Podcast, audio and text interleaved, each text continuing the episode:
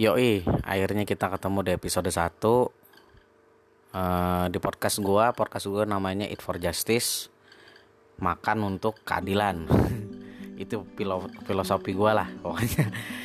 Kenalin dulu nama gua Fajar. Gua punya nama beken Adul. Jadi gua sering dipanggilnya Adul. Umur gua 25 tahun Dan profesi gua buruh lah pokoknya Jadi sesuai dengan trailer yang sebelumnya, gue di sini mau ngebahas tentang broken home. Karena ada satu temen gue yang ketika ngobrol sama gue, dia ngeluarin statement kalau dia nggak sepakat kalau broken home dijadiin alasan buat manusia ngelakuin hal yang nggak benar. Uh, jadi gini, angka perceraian di Indonesia itu per Agustus 2020 dari data Kemenak itu ada sekitar 300 ribuan. Nah, di 2019 itu angka perceraian ada di 480 ribu.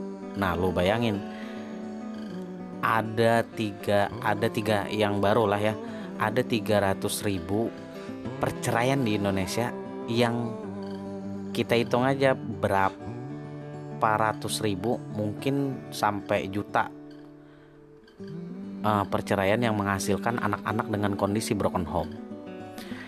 Kebetulan gue adalah orang yang di kondisi itu. Jadi gue broken home. Gue udah mengalami kondisi ini dari gue umur lupa gue pokoknya gue SD kelas 1 lah 2001 nah jadi uh, menyikapi statement dari teman gue kalau dia nggak sepakat tentang hal itu yang harus kita bahas yang pertama adalah kenapa sih perceraian terjadi? Nah faktor-faktor perceraian terjadi itu pertama adalah ketidaksukaan terhadap pasangan itu pasti kan? Yang kedua eh, mungkin cara hidup yang udah mulai berbeda. Yang ketiga terjadi kekerasan dalam rumah tangga Faktor lainnya adalah ekonomi dan yang terakhir mungkin karena keegoisan masing-masing pasangan aja sih. Hmm, sedikit privasi, gue statusnya sekarang udah duda, jadi gue udah pernah berkeluarga dan akhirnya bercerai.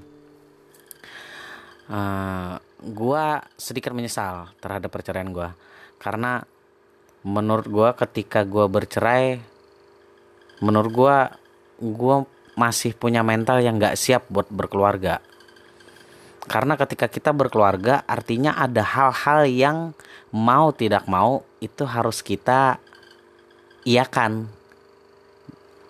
Jadi menurut gue ketika perceraian itu terjadi gue adalah salah satu orang yang sepakat kalau itu adalah keegoisan dari pasangan-pasangan yang bercerai.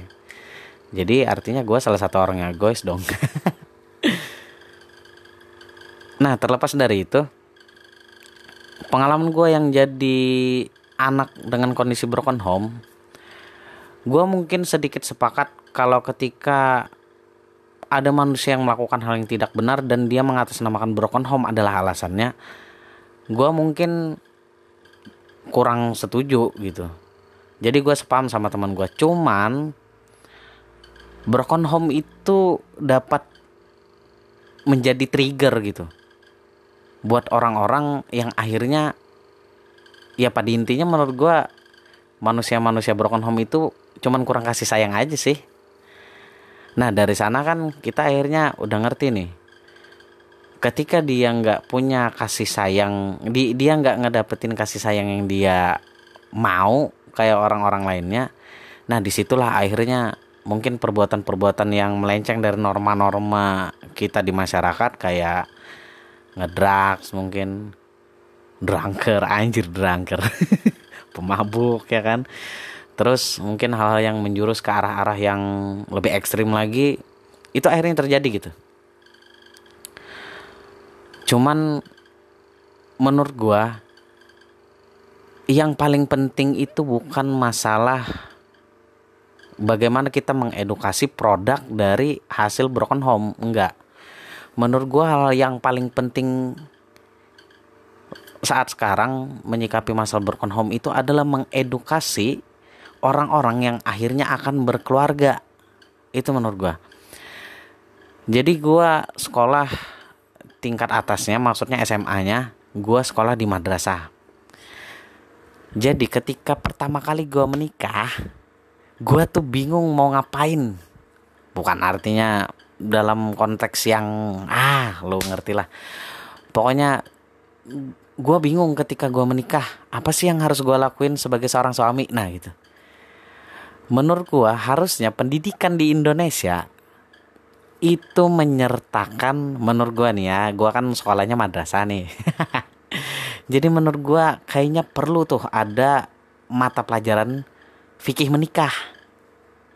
Itu menurut gue jadi edukasi-edukasi menikah secara umum itu kayaknya harus tuh diajarin di sekolah-sekolah.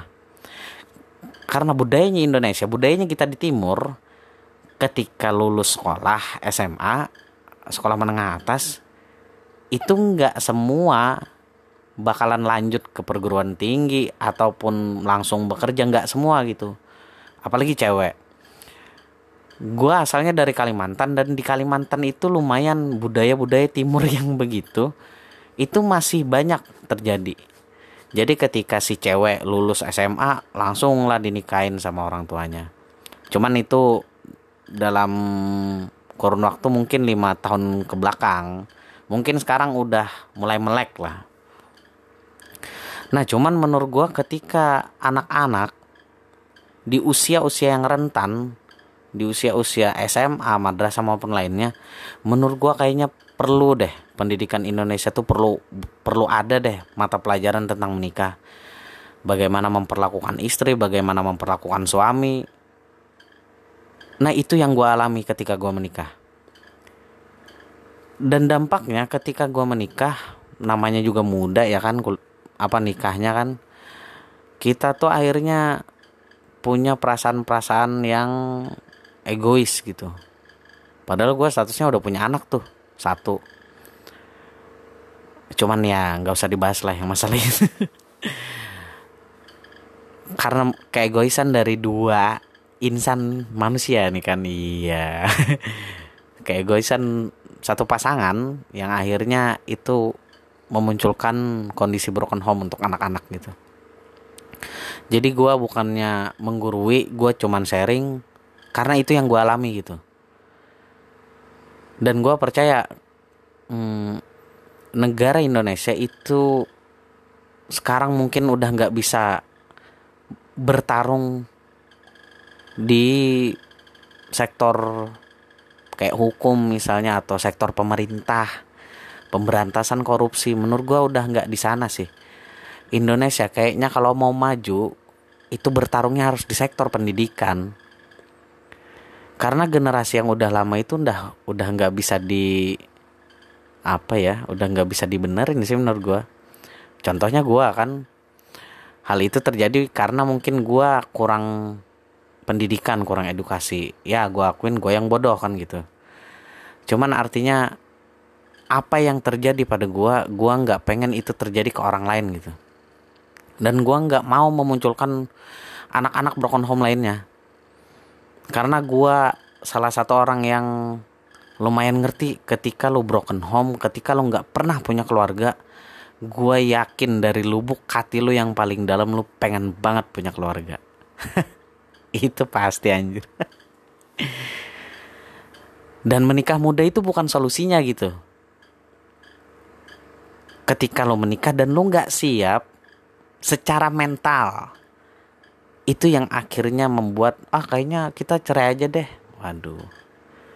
Dan itu yang harus dihindari. Jadi pesan gue untuk anak-anak broken home di luar sana lah ataupun pasangan-pasangan yang berpikir mau menikah muda pesan gue yang pertama siapin mental lu. Lu harus siap ketika dunia nggak berjalan seperti yang lo harapin gitu dan pesan gue yang selanjutnya buat anak-anak yang broken home nih lu kurang-kurangin deh caper anjir.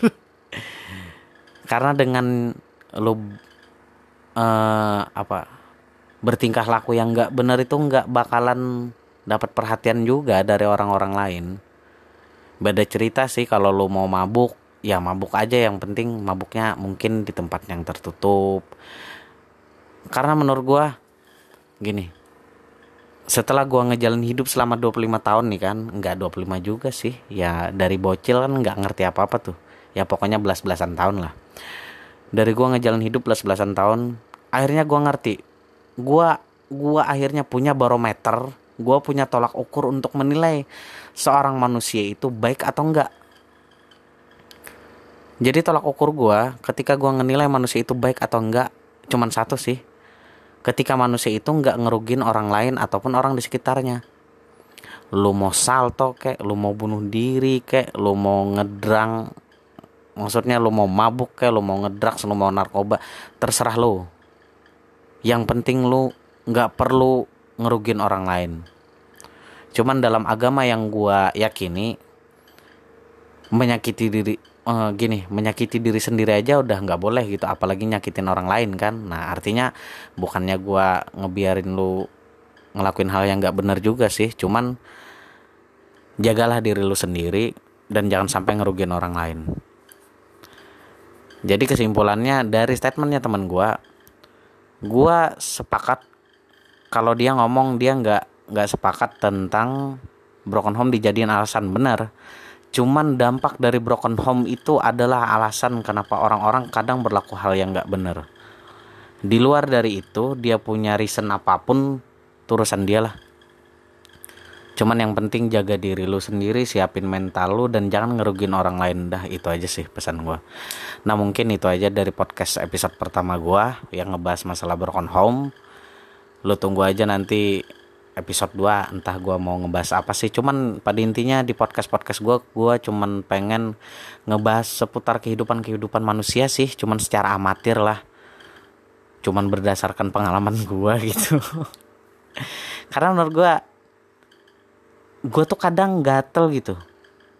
Pengen kasih nasihat ke ke orang lain cuman gue nggak bisa gitu kan. Karena menurut gue ngom uh, gini menurut gue kalimat-kalimat yang baik itu ada momen-momen tersendiri gitu buat keluar. Nah gitu. Jadi akhirnya gue berpikir eh kayaknya gue tuangin dari lewat podcast deh. Jadi emang gue udah lama sih mau bikin podcast podcast beginian cuman dulunya tuh mau bikin lewat live Instagram. Nah cuman ternyata gue ah kayaknya lewat podcast audio dulu deh karena gue kan nggak good looking. Anjir udah itu aja. Eh, terima kasih buat yang udah ngedengerin ambil yang baiknya lu buang aja yang buruk-buruk. Ya mudahan banyak sih yang baiknya. Mungkin itu aja sekian dari gua. Terima kasih. Salam dari gua